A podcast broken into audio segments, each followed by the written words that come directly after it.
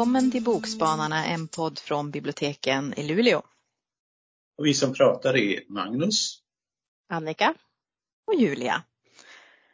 Och nu så har vi faktiskt temat, vi hade i alla fall tur med vädret.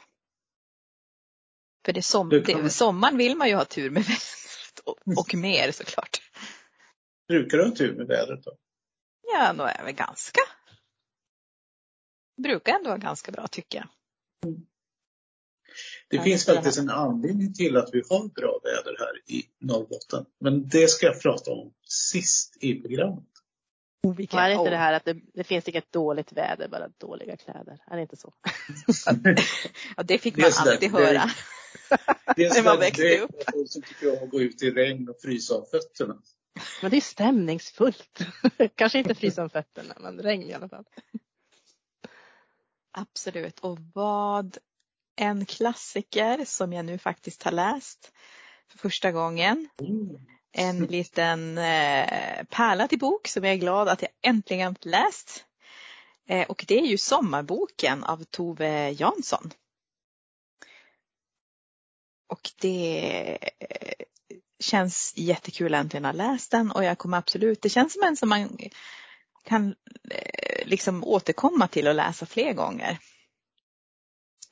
Eh, och den ska tydligen filmatiseras i sommar med Glenn Close. Så det ska ju bli Ja, eller hur? Det ska bli jättespännande att se vad, vad en liksom typ sorts amer, amerikansk jag vet, version kan bli av den här finska klassikern. Så vi får hålla upp, upp ögonen för det. Eh, så jag tänker att det kan bli väldigt bra eller väldigt dåligt. En, eh, en, en av det. Men eh, i den här boken så befinner vi oss i Finska viken på en skärgårdsö under flera sommarmånader. Och på den här ön så befinner sig en farmor, hennes sexåriga barnbarn Sofie och Sofies pappa. Och det är ju den här relationen mellan farmor och Sofie som står i fokus.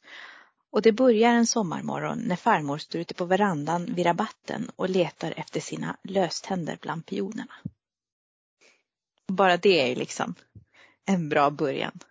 Jag har sån minne av min, min egen mormor som också hade löständer. hur, de liksom, hur hon ibland tog ut dem och gjorde roliga miner och hur de fanns, var i ett vattenglas på hennes sängbord. Liksom det, det känns också liksom väcker fina liksom, minnen också till liv det här tyckte jag för mig. Ehm, så eh, såklart hon får hjälp då av sin, sitt barnbarn här att hitta sina löständer. Ehm, och just relationen och samtalet med de här två, det är ju det som är eh, så fint genom boken. Alltså farmor hänger på i barnbarnets fantasier och lekar och svarar liksom på sitt eget lilla vis på barnbarnets frågor om allt från Gud till maskar. Så de har liksom väldigt så spännande, roliga konversationer och farmor är, hon känns som ett riktigt original. Och eh, både farmor och Sofie får då förmaningar här av pappan och så fort han vänder ryggen till så bryter de mot det såklart. Då hjälps de åt att göra det. Och även om det inte händer jättemycket i den här boken och det finns inte någon liksom drivande handling, eh, alltså som driver berättelsen framåt så är det, alltså, det, är, det är som så fin eh, läsupplevelse. Karaktärerna och miljön känns äkta. Den här eh, relationen mellan farmor och barnbarn. Och just bara miljön, skärgårdsmiljön som man får vara med i. Eh, alltså stugan, vi har på den här ön, vi har liksom vinden som vinar, vi har vattnet, det frändliga väv, vi har bad, vi har båtturer, liksom många små sådana här äventyr som gör en sommar. Så jag tycker, har du inte läst den så gör det. Ja. Ja. Mm. Ja, jag har läst eh, På ett ögonblick av Susanne Redfern. Och vad kan väl passa bättre på sommaren än en riktigt bra spänningsroman? Och för mig det här, vi hade i alla fall tur med vädret, är något som jag tolkar som att man har en semester där allt går fel. Och man säger, ja men vi hade i alla fall tur med vädret. Eh, fast i den här boken är det så, fast de hade inte ens tur med vädret. Eh, men i alla fall så det här, eh, och det, det utspelar sig på vintern också, en stor del av boken. Ehm, för de, vi är i USA, eh, det är en familj som ska på skidsemester, det är President's Day, alltså en, eh, eh, en tre dagars helg, liksom då, en lång helg där. Och de är tio personer ungefär, ett sällskap som ska åka från Kalifornien till en stuga uppe i Big Bear och bila dit i en husbil. Och det är familjen Miller som består då av, Jan, av Ann och Jack, eh, mamman och pappan i familjen. Och sen är det deras två döttrar, Chloe och Finn och eh, Chloes eh, pojkvän då Vance som också får följa med. Eh, det är eh, familjens son Oz, eh, moster Karen och morbror Bob och de är egentligen inte släkt utan de är deras grannar. De kallas bara så för de är så goda vänner till familjen så där och har funnits där i, i många år liksom. Och så är det deras dotter Natalie och sen är det en av döttrarnas bästa kompis Mo eller Maureen som hon heter. Eh, hon har en väldigt överbeskyddande mamma och det här är första gången som hon har som egentligen fått följa med på någon sån här resa och liksom mamman har släppt taget att ja, ja, det börjar väl kanske bli dags, hon börjar nu bli så pass gammal nu. Eh, och sen är det då hunden Bingo som också är med här i bilen. och så att de är ett ganska stort sällskap som åker iväg här då eh, tillsammans. Och de kommer fram till stugan och efter lite tjafs om vem då som ska sova vars i vilken säng och så där så eh, då ska de fara iväg och allihopa igen i bilen och, och liksom fara och äta pannkakor på Grizzly Manor för den sån här eh, tradition de har i familjen då. Och på vägen så började det snöa och så träffar de på en bilist här då som har, eh, ja men han har fått stopp på bilen i vädret och de plockar upp honom, Kyle heter han och en ung kille liksom som också får följa med dem. Och han sa åh tack för lov att ni kom förbi liksom när ni gjorde. Så nu har de ytterligare en person i bilen här. Och i alla fall eh, det är nu det börjar gå fel. För att en stund senare så hoppar ett rådjur upp på vägen.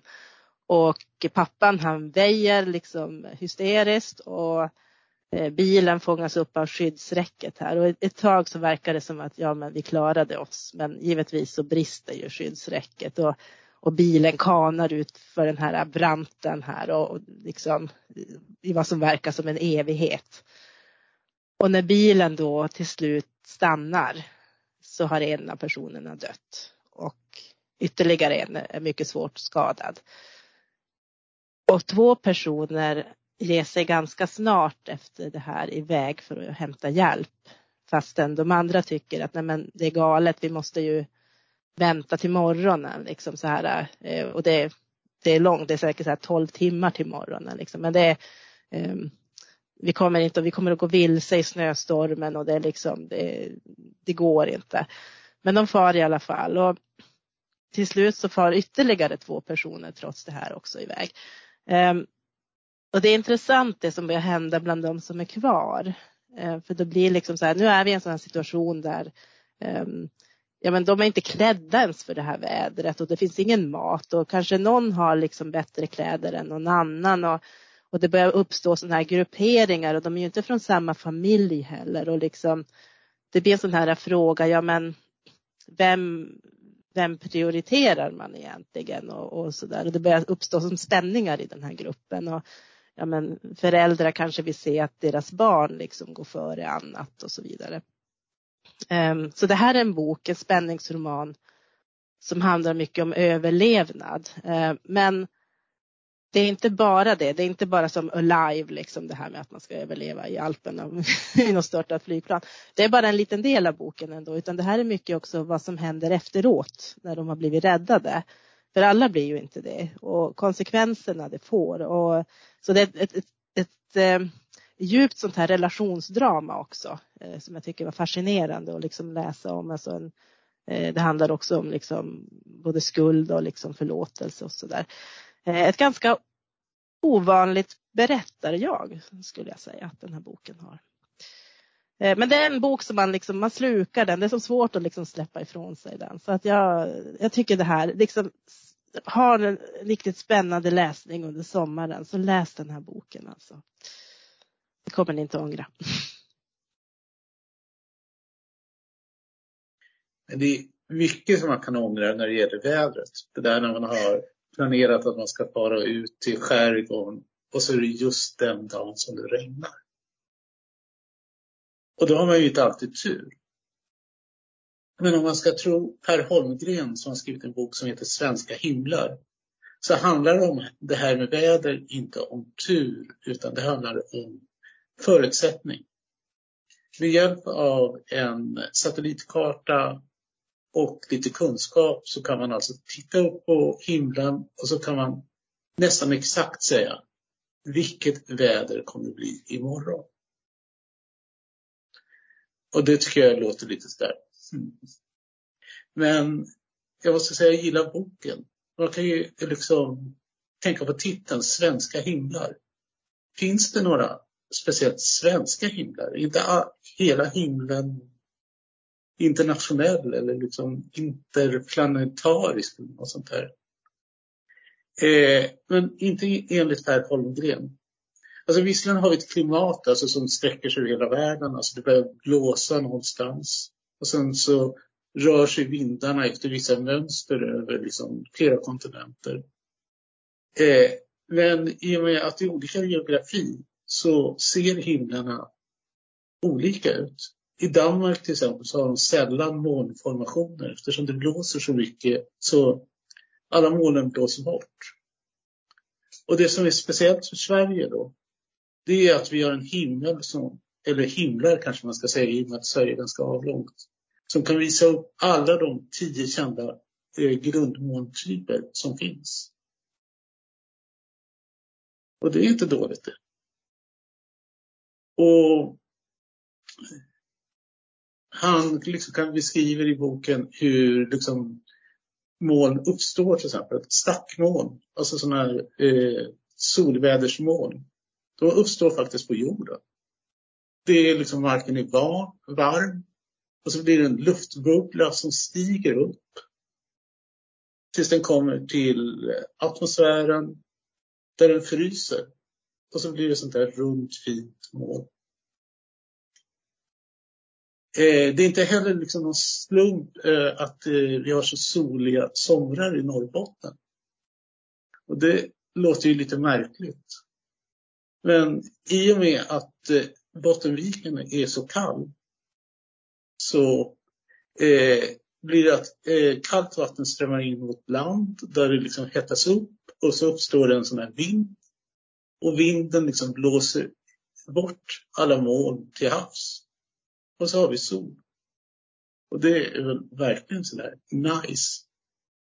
Och anledningen att vi då liksom kan bada överhuvudtaget, det är ju liksom att vi har de här långgrunda stränderna. Men det som jag tycker är mest fascinerande, det är att det faktiskt finns konstgjorda moln. Alltså moln som vi skapar. Och det är ju liksom de här molnen som, eh, om man tittar upp på himlen så kan man se sådana långa streck som eh, är då vad han kallar för kondensationsstrimmor. Alltså det är, är, är avgaserna från flygplan som fryser och ligger kvar liksom såna som långa molnrörelser. Boken har ett ganska trevligt upplägg. Alltså det är ett foto på en moln och så liksom berättar han liksom hur, vad det här molnet innebär, hur det uppstod Kanske lite för tekniskt för mig. Jag föredrar nog att titta på färgbilderna och jag kan tänka mig att ligga liksom nu i sommar i en hängmatta med den här boken, hålla upp den mot himlen och så tänker jag, ja, det är nog ett sånt där moln ändå. Men eftersom det är ganska varmt och soligt så bryr jag mig inte om att läsa texten utan jag dåsar med boken över ansiktet istället.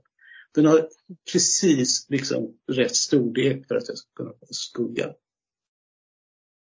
Det låter ju som en mysig tillvaro det. Mycket mysigt. Så jag ser fram emot sommaren med stor tillförsikt. Och så kan jag alltid liksom terrorisera omgivningen med en massa trivia som jag inte behöver ta ansvar för. För jag kan bara säga, det står här på sida 365.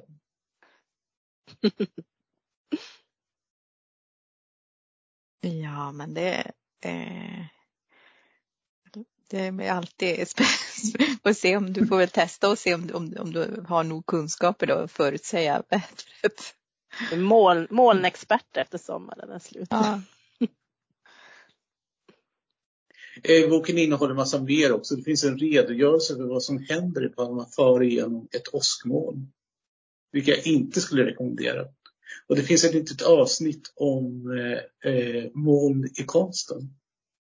Och i och med att jag gillar konst så känner jag egentligen så skulle den ta upp större delen av eh, boken och sen bara bilder på fina, lätta sommarmoln. Absolut. Ja, men innan, vad heter, innan vi önskar alla en eh, glad sommar och tur med vädret så kan vi berätta vad vi tipsade om. Eh, jag tipsar om Sommarboken av Tove Jansson.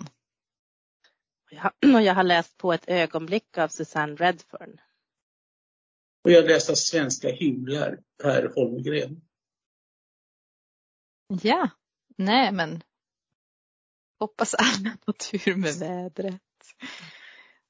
Och att ni kommer längta efter oss till i höst när Boksvallarna kommer tillbaks. Ja, ha en fin sommar allihopa. Mm. Hej då! Mm. Hej då! Hej då!